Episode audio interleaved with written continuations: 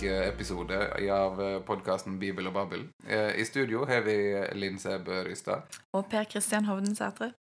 Og vi har fortsatt vår, vår, gjest Karolin Westerberg, som er kateket i Haslum menighet i Bærum. Velkommen til deg igjen. Tusen hjertelig takk. I forrige episode så snakka vi om påskeundervisning generelt. Vi snakka om din masteravhandling. Kan du bare minne oss på hva den handla om? Ja, Den handler altså om at jeg og en prestekollega vi gjennomførte tre gruppeundervisninger. Og der eh, går vi gjennom påskefortellingen. Jeg sier påskefortellingen, men det er Matteus-tekster. Fra palmesøndag, skjærtorsdag, langfredag og første påskedag. Og så jobber vi da med de her tekstene på forskjellig vis. Og så kartla jeg da konfirmantenes respons for å se hva de da hadde fått med seg av det vi ville. At de skulle sitte igjen med at de skulle lære seg mer om påsken, men også at de skulle, vite, at de skulle kjenne liksom at den her at Jesus har dødd og stått opp, det har med meg og mitt liv å gjøre. Mm. Eh, og vi snakka også litt om at i den, altså det, når du sier påskefortellinga, så er det klart at da slår en ofte sammen de fire evangeliene, fordi vi har fire versjoner av sånn omtrent de samme hendelsene, med, altså med variasjoner. Og at det er en tendens i kirkelig praksis til å harmonisere det og si at dette er ei fortelling. Selv om det er en del for forskjellige vektlegginger, og eh, på noen plasser så stemmer ikke, stemmer ikke beretningene helt overens. Nei, og det skal vi gå litt mer Nå skal vi se litt tydeligere på tekstene. Eller tydeligere, vi skal se litt nærmere på tekstene ja. enn vi gjorde i forrige pod. Ja, og en av de tingene du sa i forrige episode, Caroline, som, som egentlig er interessant, var at dere brukte Når du skulle formidle dine fortellinger, så brukte dere disse her kirkeårsdagene som pedagogiske knagger. Uh, og at det var Hvorfor var det viktig? Det er viktig for at det er påskedagar som har annorlunda namn än andra söndagar. Alltså varför heter det palmsöndag till exempel? Varför heter det skärtorsdag och långfredag och första påskedag? Och då såg vi att det var en sån möjlighet till att både ge undervisningen en struktur eh, och att vi kunde tillföra varje dag en sorts ska man säga då, ett mönster eh, som på ett vis gjorde det både lättare för konfirmanterna att hänga med men också att de kanske också kunde ha de här knaggarna, för vi vill ju att de ska veta vad varje dag handlar om. Mm. Mm. Som såkalt då, kalenderkompetanse kan man säga då. Og det er noe det er jo sånn kirkeår også som er lagt opp pedagogisk. At en fordeler denne fortellinga om Jesu Jesus kommer til Jerusalem og er der en stund, og så blir han arrestert og dømt og korsfesta og står opp. Altså, Det blir fordelt utover disse dagene, i, i henhold til hva som står i tekstene. Og så må en legge til litt. Det er ikke gitt at det var en søndag han rei inn i, i, Jerusalem. Det står vel ikke i tekstene. Nei, men det passer nå sånn godt med kirkeåret. Ja. Og er, er, det noen konfirmanter som spør eh, Det er litt på sida, men er det noen av de som spør hva som skjer på lørdagen? Ja, det som var litt interessant, var at eh, de fikk jo sånne hjemmeoppgaver da, som eh, de skulle gjøre i etterkant. De skulle ta egne bilder, eller da, det var noen som hentet fra internett i tillegg. Eh, og så skulle de skrive da en bildetekst. Og da var det noen som skrev på påskeaften så var Jesus død, og vi spiser påskeegg, for eksempel. så det var noen som skrev om påskeaften at det var liksom en, en, en lang natt, og, og liksom Jesus lå i graven. Men det var, ikke, det var ikke representativitet i det. var kanskje to eller tre stykker som skrev om påskeaften. For det, det, sa vi ikke så mye om. Nei. Nei.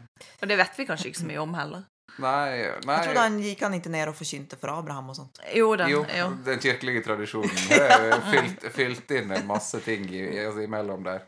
Så for ned til dødsriket i trosbekjennelsen. Mm, spiller, nok på, spiller nok på en del forestillinger om hva som foregikk den lørdagen. Men Får jeg bare spørre ni som er stipendiater og forskere på området Men er det, ikke, er det Paulus da som henviser til det? For jeg mener jo at jeg har lest i Bibelen at Jesus for ned og, og liksom prata om der, der er et vers i første Peter som, blir tolka, som har blitt tolka sånn. Ja, ok.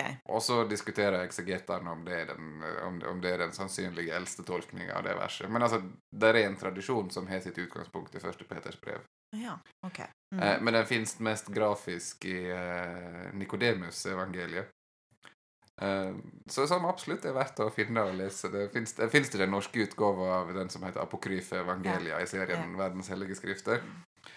Der er nå beskrivelsen av hvordan Jesus reiser ned og banker på dødsrikets port.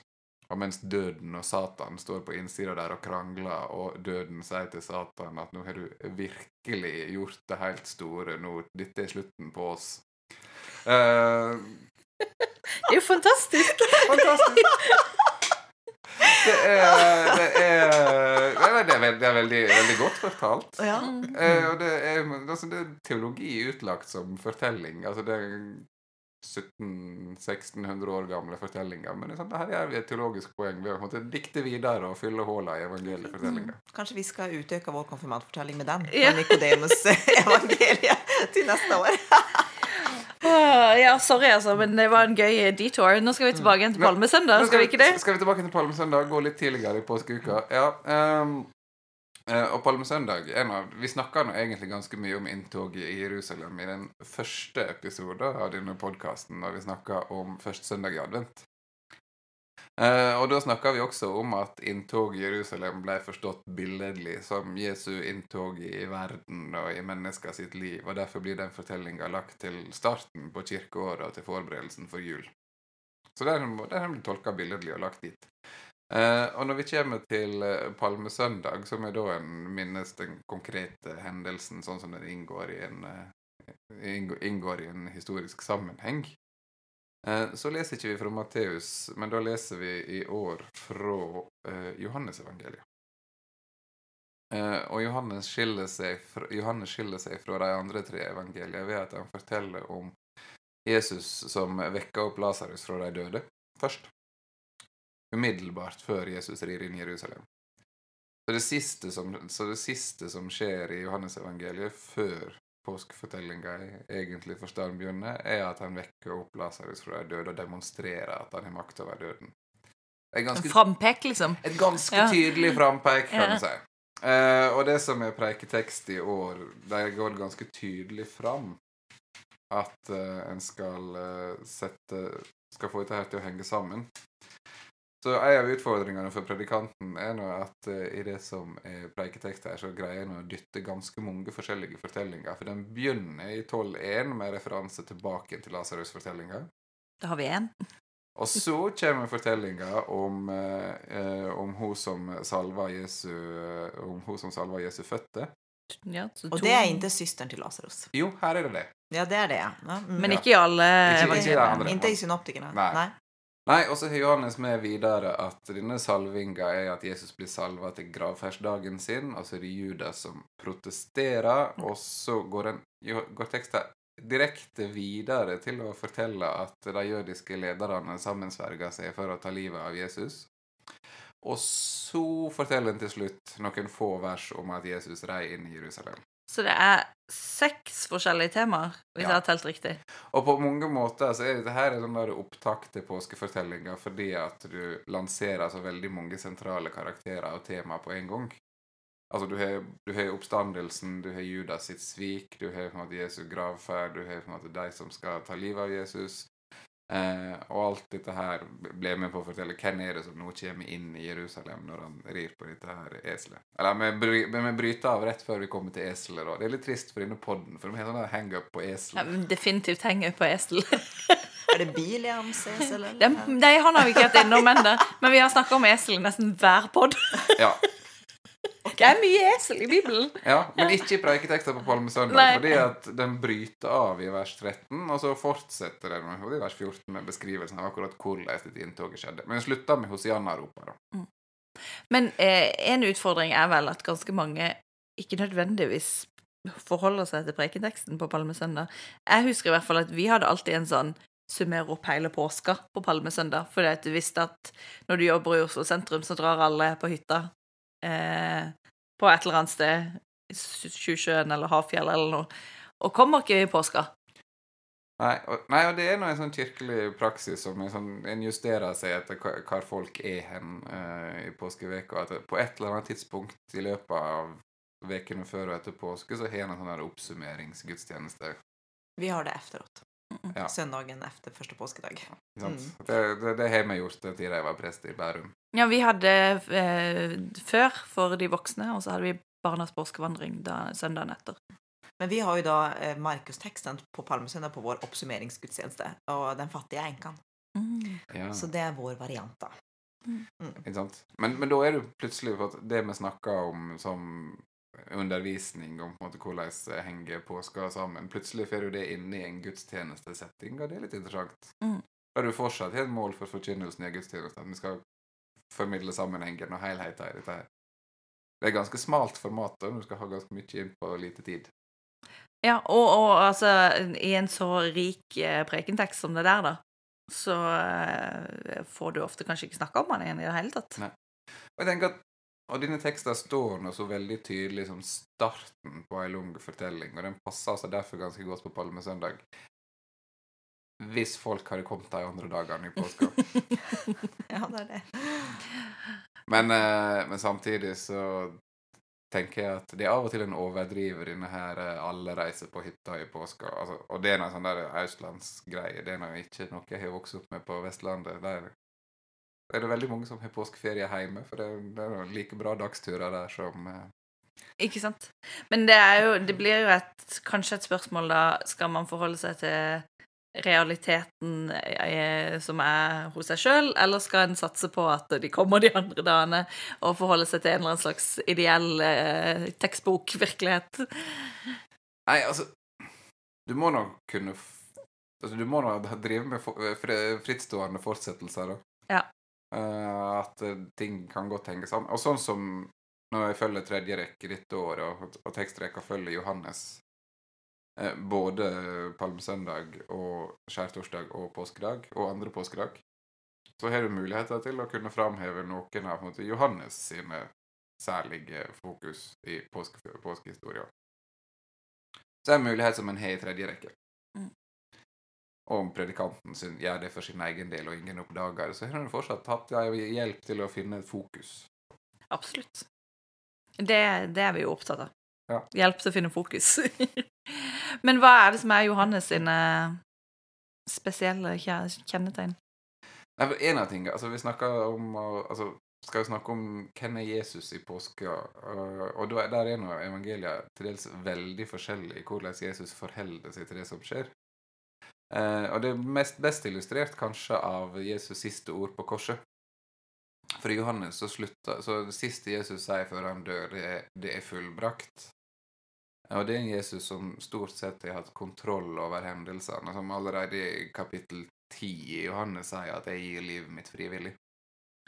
Eh, og som nok viser følelser innimellom og er redd og litt sånn, men altså ikke Men det er aldri noe spørsmål om man skal gjennomføre eller ikke, fordi Jesus har liksom kontroll over hendelsene gjennom hele Johannes. Hvis jeg husker riktig fra undervisninga mi om Johannes, så er det sånn høykristologi og så. Ja, det er Jesus som kommer fra Gud og veit hva han skal Ja. og gjennomføre, og det, det, det, er ikke, det er ikke det nivået dramaet ligger, da. Nei. Eh, mens eh, Matteus, og særlig Markus, eh, det er ganske rått. Der slutter. Der er Jesus siste ord 'Min Gud, min Gud, hvorfor har du forlatt meg?' Eh, og der ber han i Getseman om å få slippe. Eh, og ei bønn som ikke blir besvart. Eh, og så Lukas plasserer seg en eller annen plass mellom dem. Eh, jeg har for eksempel Jesus som er såpass kontroll at denne her tjeneren som blir hogd øra av i Getseman, han blir helbreda i Lukas. Eh, og det er i Lukas at Jesus snakker om at du har disse her to røverne på korset. Eller det har du i Matteus også. Eh, men det er Lukas han sier 'I dag skal du være med meg til paradis'. Så Lukas er en Jesus som er litt mer i kontroll. Eh, som er litt mer i fellesskap med Som er mer i fellesskap med Faderen, og derfor slutter han med 'Far, i dine hender overgir jeg eh, min ånd'. Og så skjer sikkert en av dem som er kritisk konfirmant og spør ja, men hva som var egentlig det siste Jesus sa. For det går ikke an at det kan være tre forskjellige ting. Og det er ikke det. Men vi veit ikke. Mm. Eh, så det kan plutselig bli en debatt om bibelsyn og sånn. Ja, utifrån som jeg ser mine konfirmanter, så tviler jeg på det. Men eh, det, er kanskje mer liksom at de, eh, just det å forklare hvorfor han stod opp igjen, for det, der tror jeg de tenker at liksom så här, eh, det var, jo, det var, det var litt så här roligt då, för det var liksom sånn Hvorfor er det to Mariar? Det, det var en så här, i Matteus-texten på första påskedag så tyckte de att det var väldigt underligt. Alltså hur kan det vara två Mariar som är i Jesu grav? Alltså det är lite grann på den nivån också. Ja. Ja. Ja, men også litt sånn altså, Kjell, Iallfall om ikke, om ikke en debatt om bibelsyn høres veldig teologisk ut, men altså en, en refleksjon over hva er det vi gjør når en, hva er det en gjør når en formidler disse bibelfortellingene, forteller hva som står der. Er det historie? Er det, er det forkynt historie? Hva, det, hva er det for noe? Er det alt som er sant på samme måten? Altså, de spørsmåla dukker nå opp når du da har eksempel tre helt forskjellige versjoner av hva som er Jesus' siste ord på korset. Absolutt. Eh, I, i et, eh, et av de empiriske arbeidene til eh, prosjektet Forkynnelse for små og store, så er det en av fedrene, altså en tilhører som hadde barn med på trosopplæringstiltak, men som ble intervjua i etterkant. Og der brukte de Noahs ark. Og det han var mest stressa for, var eh, skal jeg forklare til mine barn at dette ikke er sant? Altså sånn eh, historisk eh, Han var geolog eller noe sånt, tror jeg. Mm. Eh, Så han sleit veldig med at det var blitt presentert som at dette har skjedd. Eh, For han mente at det gikk an å diskutere altså, Selvfølgelig er det en fin fortelling som forteller noe om eh, menneskeheten og så videre, og kan fortelle noe om Gud, men det var blitt presentert som om det hadde skjedd. Og da ble han Ja, men da ble han veldig sånn Det, det trodde ikke han. Så da sleit han med å få eh, forklart det til barna sine. Og det kan jo bli litt sånn den samme diskusjonen, da. Hva skjedde egentlig? Det er ikke sikkert vi kan si noe om det, men det kan jo være at det er noen som lurer på det. Ja, for jeg, jeg tror også det at, att eh, det er i alle fall en tendens som jeg har merket i den situasjonen jeg står i som møter barn og unge, og at de blir veldig Iblant så tenker jeg det nye evangeliet er liksom det her med tro og vitenskap. Hvor hører det ihop Altså, hvor, hvor, hvor, ja hvor henger det ihop men altså, jeg tror at det som vi har liksom sagt litt om er jo det att det fanns ju väldigt många folk runt omkring som gick omkring och sa och gjorde märkliga grejer. Men alltså förstå dem, det var inte bara Jesus och de två rövarna som dog på det korset. Det var ju tusentals människor. Eh, och som vi tänker är väl liksom allmän kunskap, men konfirmanterna och barn har ju ingen koll på det. Och det är ju på ett vis att kunna dra in lite så historiska fakta som sätter saker och ting lite grann i perspektiv. Att om Jesus bara hade dött på det korset så hade inte vi suttit här idag. Eh, han började leva igen eh, och det var folk som var livrädda som fick nytt mod och kunde gå ut och, och, och prata om det här och, och sådär. Och, och, och liksom, vi har i alla fall löst det lite grann på det viset, men också det att och säga att just det här med, med det hur man säger till slut. Jag tycker att det enklaste i alla fall i möten med barn och unga och speciellt konfirmanter att Jesus våndades. Alltså han hade det väldigt tufft med det här. Alltså han var i ett semon, hade dödsangst. Han kände sig ensam. Han ville inte dö. Eh, alltså det, att det liksom, det har varit enklare för oss att förmedla än Johannes Kristus som Mm. bara trär in i den här rollen med full värdighet och glans och liksom har inga problem med någonting. Alltså jag tänker att just det mänskliga i Jesus i påsken är kanske enklare att identifiera sig med som, som barn och ungdom också. Att då vet vi att vi har en Gud som, Mm. som lider og som og, og våndades. Ja, altså litt, altså litt som du snakka om i forrige episode, at det gir deg større mulighet for identifikasjon når du har de, de, de, på, de variantene der Jesus viser svakhet. Ja, det er jeg enig i Og jeg tror at vi, vi använder, altså vår påskefortelling var jo Matteus eh, Mm. Og der er jeg, jeg selv blir veldig liksom triggad just när vi håller på mycket med muntlig fortelling. alltså de motsättningarna som du har i texten, alltså de här ganska tvära kasten eh, som, eh, som blir väldigt intressant också att gå in i just när du ska hålla på med muntlig fortelling och vad var det som skedde? Varför skjedde det? Hva, hva, skjer med oss når vi hører det her? Eh, og då, då var Matteus et ganske åpenbart valg, for oss i alle fall, eh, når vi skulle formidle det her videre til våre konfirmanter. Ja, så kan det jo være en utvikling i fortellinger fra Altså, Jesus kan jo bli Være men, veldig menneskelig i Getsemane, og så kanskje eh, mer Gud Også Gud på oppstandelsesdagen, eh, kan man kanskje se for seg. Ja, For det er noe, altså, I oppstandelsesberetninga så får vi veldig lite om Jesus sjøl. Altså, det handler om vitner som så det, og som opplevde det. Altså, Det står lite om hva Jesus, sier, hva Jesus gjorde. Uh, en skjønner ikke hvorfor han går gjennom stengte dører. Det er så mange ting med Jesus som måte blir så fjernt etter oppstandelsen. Men det som gir styrken i fortellinga, er det, som du sier, er de som, det er de som så Jesus, det er hva de opplevde, det er hva de fortalte. Mens Jesus sjøl er ganske fjern. Men allikevel så forteller de jo om eh, relativt eh, Hva skal man kalle det? Overnaturlige eller supernaturlige ting, da. Det er jo ikke at eh, det å faktisk være redd, det kan jo alle kjenne seg igjen i. Men det å kunne gå gjennom dører, det kan ikke alle kjenne seg igjen i. Nei. Vil jeg tro. nei, nei det, det er jo absolutt sant. Så jeg jag tänker just, altså, jeg tror det stora kruxet med om det är förkynnelse eller undervisning eller, eller alltså det handlar ju just om att bara att okej, men Jesus stod upp. Ska man gå in i vetenskapen på det? Eller eh, liksom ja, det är säkert möjligt för Gud står bak universum eller alltså eller ska man bara forsøke försöka hitta någon, en ingång där att ju Jesus stod upp på grund av att du inte ska behöva vara rädd eller för att det finns, döden har inte sista ordet eller liksom eh, men, men det, jag strävar själv med det och liksom göra det förståeligt. Då. Varför stod Jesus upp? Och varför är det viktigt för oss? Det är inte bara ja, då feirer vi gudstjeneste hver søndag, och därför är det viktigt. Alltså, det är liksom så här, jag tror inte det kanske som, det är ju viktigt givetvis, men om du ska prata till barn och unga så är det kanske inte den modellen som man kanske ska ty till mest. Men det, det är vanskelig. Ja. Og jeg tenker, Da er det et poeng at bibeltekstene bruker ganske mange forskjellige forklaringsmodeller. Mm. Eh, men at Nytestamentet er ganske tydelig på at for forstå, den forståelsen av oppstandelsen er at den er nødvendig på en eller annen måte for at Jesus skulle få gjort det han skulle gjøre. Altså hvordan, du nå, hvordan det nå å forstå det, om det, en, om det er en seier over døden, eller om han sto opp for å vise at han virkelig var Messias.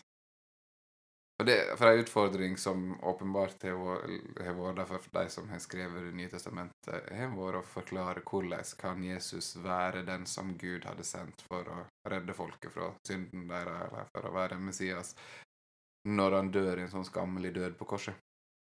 Der er en skandale i det. Eh, og at oppstandelsen Det blir da sagt at ja, men han sto opp, det var ikke slutten. Den, eh, sørg, altså, den sørgelige slutten var ikke finalen. Men eh, nå var vi jo plutselig langt inn i første påske, da. Vi hoppa over i hvert fall skjærtorsdag baki her. Det gjorde vi. Og skjærtorsdag er nå oftest, og i første rekke, så er den, da, den dagen en leser om innstiftelsen av nattverden. Og iallfall i katolsk tradisjon så er ikke, så er ikke skjærtorsdag en eh, lilla fastedag. Det er en hvit festdag nettopp derfor. Eh, I vår tradisjon er litt begge deler, fordi den også starta den, den, den starta det lange døgnet fram mot Jesu, kors, Jesu korsfestelse. Eh, men der i tekstrekkene i år i tredje rekke så er det rett og slett eh, Johannes-tekster om fotvaskinga som blir lest. Og i Johannes skiller seg fra de andre evangeliene ved at dette siste måltidet som Jesus spiser med disiplene, det er ikke et påskemåltid. Eh, og Johannes sier ingenting om, eh, sier ingenting om nattverden. Eh, men likevel så er dette her preiketekster på skjærtorsdag, og dere brukte den i dette konfirmantopplegget dere, Karolin? Ja, det gjorde vi. Men vi, altså, vi, vi ser jo også at de som er veldig inne i denne bibelhistorien, eh, spesielt når vi kommer til langfredag, så er det jo at Pilatus tvetter sine hender for at han ikke vil ha noe med det her å gjøre. Eh, og den symboliken har jo ikke vi når vi gjorde den eh, på et vis fothåndvasken. Det er jo på pga. att vi har med konfirmanter å gjøre som vi ikke kjenner, og det skulle bli klein stemning om vi skulle be dem å ta av seg strumpene, og så skulle vi begynne få ta del av tåfis og whatnot liksom. Så därför så skyddar vi både konfirmanterna och oss själva eh, genom att liksom göra budskapet på ett vis, någonting som de kanske skulle kunna komma ihåg igen det här med knaggen. Eh, och att vi tänkte att det här är någonting oväntat, det här kommer att liksom, vi kommer att få deras uppmärksamhet och så var det mycket, mycket tryggare helt enkelt å att tvätta deras händer. Så det vi gjorde var att de fick hålla fram sina händer och så öste vi sån varmt väldoftande vatten och så torkade vi händerna efter det. Eh, och det satte ju sina spår. Det var ju väldigt många som mindes skärtorsdag just på grund av den oväntade handlingen. Så den, den sattes väldigt djupt i konfirmanternas respons i min master och de satte den ju ihop med goda hållningar som, som också jag tänker skärtorsdagen och Johannes texten också är inne på. Just det här med, med samhold, det att vi alla är likvärdiga, vi ska ha respekt för varandra, vi ska tjäna varandra. Och, det, och då tänker jag då, även om det var händer eller fötter så fick det ju önskat resultat, i alla fall från vår sida. Ja, for det er kanskje ikke et eh, Det er kanskje ikke det at det er føttene som er hovedpoenget, eller? Nei, altså det å vaske føttene, det er vel bare mer som en sånn skitten jobb. Uh, som du er inne på, at det å vaske føtter er ikke bare hyggelig. Uh, og Peter drar det videre til å si at ja, men det er ikke bare føttene som må vaskes, det er også hendene og hodet, for han vil gjerne ha denne her renselsen som blir gitt eh, ved det Jesus gjør. Og det er noe sånn I utgangspunktet så er det noe et konsept som renhet i det første århundret i en jødisk sammenheng er ganske utilgjengelig for oss. Altså hvordan fungerte det? Hvorfor var det viktig å være rein for å kunne delta i det rituelle fellesskapet, delta i mål måltidsfellesskap og sånne ting? Som en kan tenke seg ligger bak ei tekst som eh, fotvaskinga i Johannes 13. Men så har dere funnet noen ting i denne her vaskinga som på en måte gir et ekko av det. Altså Uten å gå inn på en sånn større faglig diskusjon om hva betyr renhet her. Uh, men det er noe med vasking, det er noe med fellesskap, det er noe med den respekten som uh, det, det er bruk av et potensial som ligger i tekstene her. Uh, så det er flere ting en kan si på skjærtorsdag ut ifra det. Uh, tekstboka gir noe, litt hjelp til predikanten ved å sette opp innstiftelsesorda i nattverden som lesetekst. At du leser fra første kor 11. Det er altså En liten fun fact om første kor 11 er at det er den eldste Jesusfortellinga som finnes. Uh, den er skrevet, altså Derfor er den skrevet ned uh, som del av første Korinterbrev på 50-tallet. Og så tar den iallfall ti år, om ikke enda lenger, før Markus blir skrevet ned. Så det er en av de første Mm. Det er de best bevitna Jesusfortellingene. Oi, oi. Så hvis noen kan Skjærtorsdag, folkens! Yes. Skjærtorsdag, det skjer. Ja. Det der det Skjær. skjær! Woo! Sånn gøy ordvits. Hører vi hvem som er kateketer. hvem som er Det er klart, det kan- Kjedelig forsker her. Det er kateketen som tar ordspillet her. Eh, men, uh, men iallfall Men uh, skjærtorsdag er nå da også starten på den lange lidelsesfortellinga. Altså det, kronologien i, i, i evangeliet er nå at den kvelden Jesus uh, hev til måltidet med disiplene sine I synoptikerne er det et påskemåltid, i Johannes er det det ikke. Eh, det står iallfall ingenting om det. Eh, og så går han ut til Oljeberget og til Getsemane og blir arrestert der etterpå. Men eh, da er vi i gang med det som hører til på eh, langfredag, sånn liturgisk. Eh, men det skjer noe i løpet av natta der en gang. Mye av det. Altså, han har, han har pressa tekstene litt sånn inn til å passe på disse dagene. For, uh, fordi at sikkert altså, det er pedagogisk. Ja, ja. Ja. Og dele det opp i forskjellige dager. Altså, Hvis en feirer flere gudstjenester, så kan en på en måte dele det opp i små biter. Eh, For de plassene i landet der en feirer færre gudstjenester og har gudstjeneste f.eks. bare på langfredag eller sånn, så må, du, kan, så må en kanskje gjøre det litt annerledes og flytte litt tekster. Og... Mm. Det vet jeg, det er mange som gjør noen tilpassinger. Ja, og på langfredag så forkynnes det jo veldig sjeldent.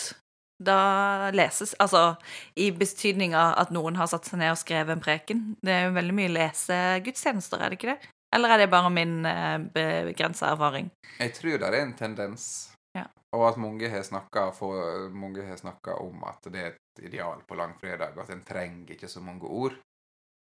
Um, jeg vet ikke hvordan, hva du er vant til. Ja, men det är intressant att du frågar för att just på den här konfirmantundervisningen så berättar prästen som en sorts faktadel eh, om just gudstjänsten i, i Haslum kyrka. Och där är det liksom rent gudstjänsttekniskt att man klär av altaret, att det ska vara naket och att det används virkemedel som att man slår av och på ljuset och att det är bara läsning av lidelseshistorien och en del musik. Och så lägger man på de här ah, fem rosorna och tornkronan och allt det där. Att det är liksom det ska liksom vara det det är. Så att eh, hos oss gör vi det. Jag vet också att många andra eh, församlingar runt omkring i Bärum använder sig av de samma virkemedlen och att det är lidelsesfortellingen och så är det visuella virkemedel då, som förstärker det. Mm. Og der er det noe med den lidelsesfortellinga som, som, som vi snakka om i forrige episode, vel, at på den ene sida så er det veldig mye tekst. Det er nesten to fulle kapittel, så det tar ganske lang tid å lese gjennom. Og det begrenser hvor mye tekst en kan fylle ei gudstjeneste med før det blir for mye. På den andre side så er det en sånn sammenhengende fortelling. Sånn som du snak, Når du snakker om idealer for en muntlig fortelling, så er det en, der er en visst sammenfall med den uh, lidelsesfortellinga og det som er en god fortelling. Absolutt, og det er jo derfor jeg sitter her og kjenner at det er litt synd at vi, både predikanter og, og de som underviser, ikke går mer til Bibelen och tar ut de faktiska bibelfortellingene, lär sig dem utantill och berättar dem. För det är väldigt bra driv, det är starka karaktärer, det är mycket konflikter, mycket som händer, folk förstår inte, Jesus måste förklara.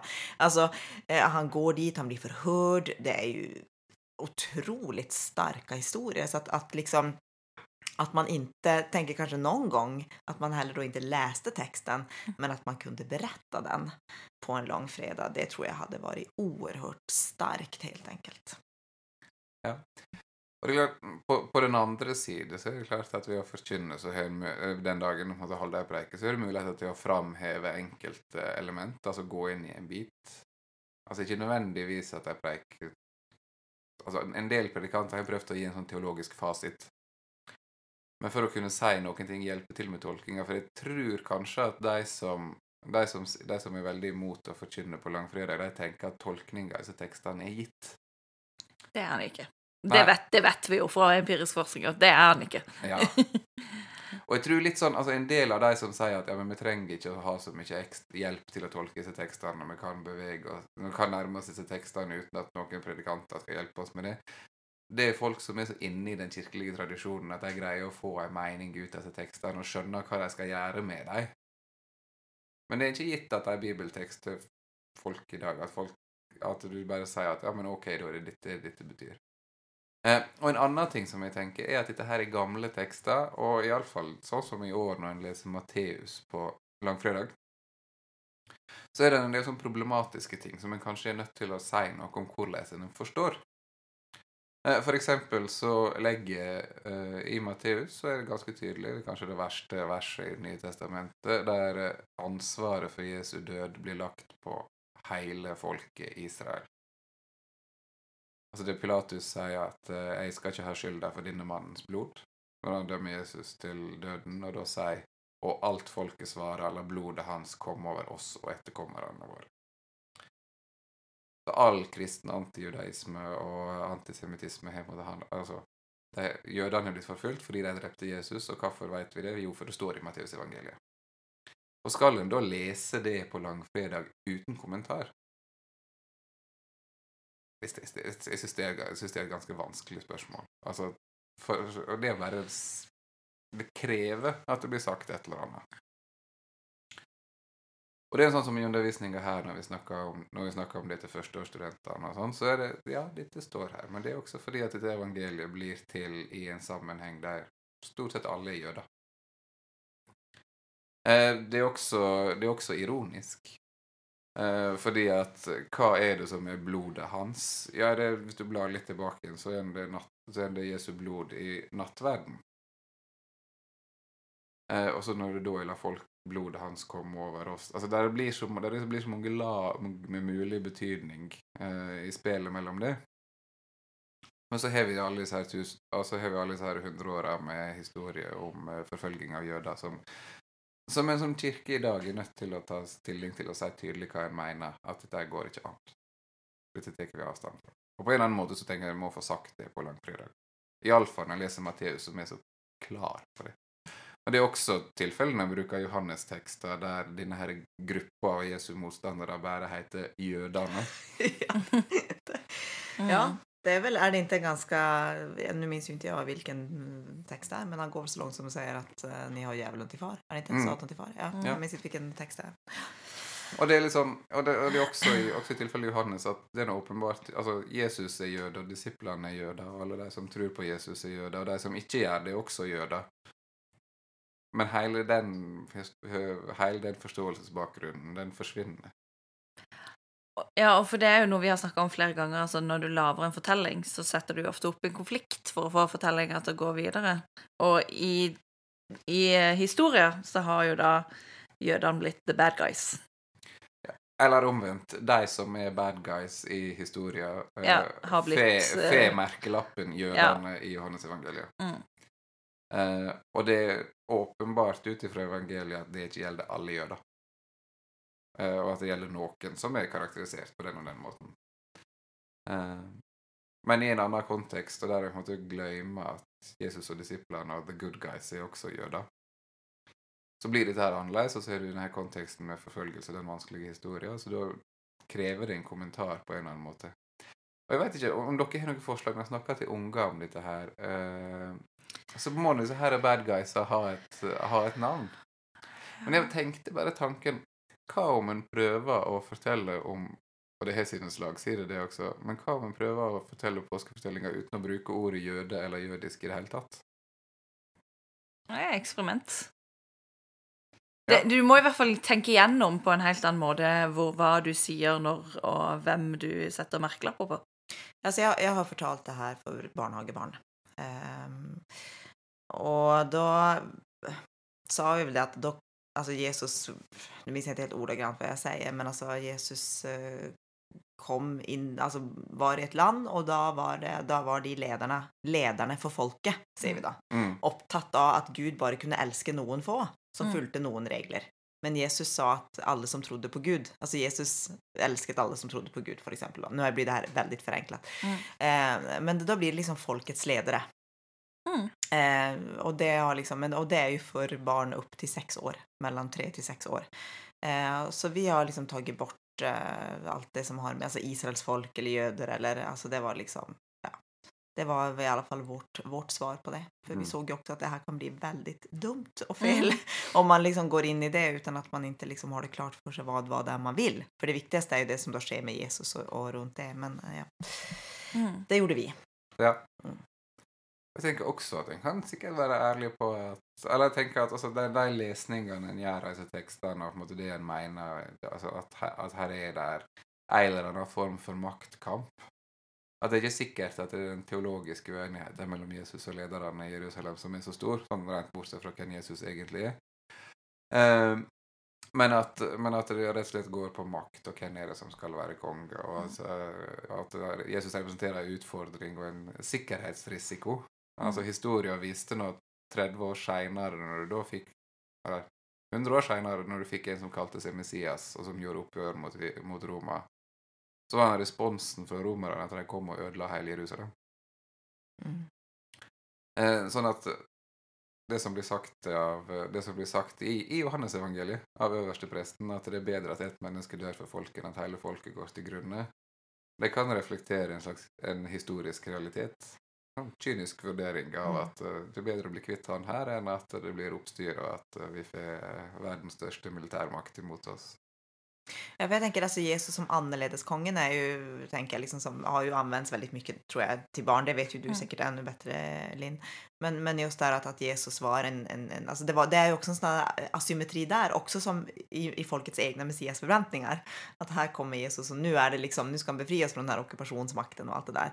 Men att det är både en, en kanske som förväntningsspänn mellan folket, alltså de som tar emot Jesus, men också mellan de som har makten, den religiösa makten, alltså bland översteprästerna och och sådär också att oj, vad, vad händer nu liksom? Så det är, det är, där har du också en maktasymmetri på flera lag. Mm. Det er en fortelling full av paradokser og ekko til andre fortellinger og litt ironi, eh, for eksempel, med, med, med oppstandelse og Altså at kongen dør, og så så var han ikke død likevel. Det var faktisk oppstandelse. Så det er ganske mange sånne ting som det går an å ta tak i når han skal preke på disse dagene. da, Disse paradoksene og ironiene og ja, allusjoner til andre fortellinger.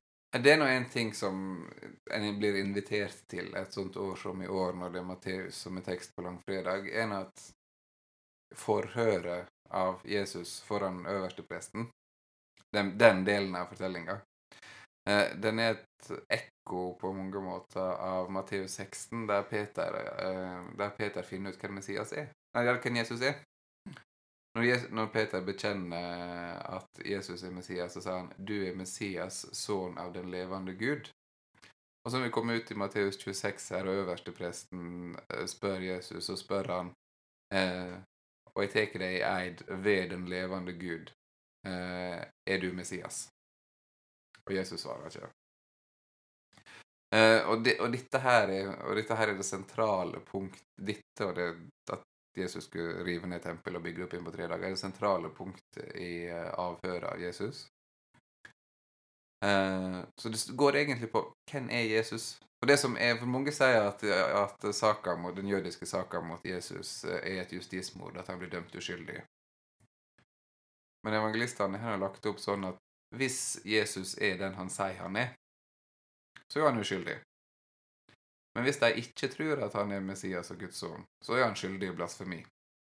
Og skyldig til, dø, og skyldig til å dø. Så rettssaka handler egentlig ikke om Jesus er skyldig eller ikke, den handler om hvem han er. Uh, og, og i Matteus kobler da dette forhøret her og hva er det som skjer umiddelbart etterpå? Ja, det er at Jesus svikta, eh, det er at Peter svikta Jesus og sier 'jeg kjenner han ikke'. Så du får på en måte reversen av den bekjennelsen Peter gjorde i Matteus 16, samtidig som Jesus står der foran øverste presten. Så De to er kobla veldig veldig nært. Så det, å bruke, det å bruke Matteus-tekster til å snakke om Peters påske, det har det et potensial. Da. Uh, da er vi på rett spor. Mm. Ja, bra. Eh, og det er en sånn Hvem er Jesus på langfredag? Der, der er noen nøkler her. Og med det så tror jeg vi må gå inn for landing. Det er mange tekster og stort lerret å bleike på eh, få minutter. Ja, men jeg tror at eh, det, det å ta ut noen ting og lage eh, og, og, og formidle på langfredag eh, kan være, kan være bra. Vi lover å komme tilbake igjen med enda mer oppstandelse rett før påske. en oppstandelsespod. Og da må vi si takk til Karoline Westerberg for at du var med. Takk for at jeg fikk komme. Hvis vi har lyst til å lese mer om eh, masteren, hvis vi har lyst til å lese masteren din, hvor går vi da? Ja, da fins det jo på Bibsys på MF Og så en enda enklere variant er jo om man klikker seg inn på Prismet for der ligger den som en kortere refleksjonsartikkel med allt eh, the best stuff concluded. Mm. Og um, for å gjøre det enda enklere, så skal vi jammen ta og legge ut lenke til den artikkelen på Facebook-sida vår. Ja, ditt liv kommer aldri å bli det samme när du läser den. Det er det en alltid satser på med forskning. Her legger vi lista ganske høyt. Men lenka kommer iallfall ut på Facebook-sida vår. Eh, lik, eh, gå gjerne inn der og trykk eh, lik på den. Eh, dere kan gå inn på, søke oss opp på Instagram for å bli oppdatert når vi lager nye episoder. Og det går an å sende oss spørsmål også på Facebook, hvis en vil det. Vi svarer fort. Så innspill og protester og spørsmål tar vi gjerne imot. Da sier vi takk for nå. Så sees vi til en høres vi til en oppstandelsespod om ikke så veldig lenge. Ha det bra. Ha det godt.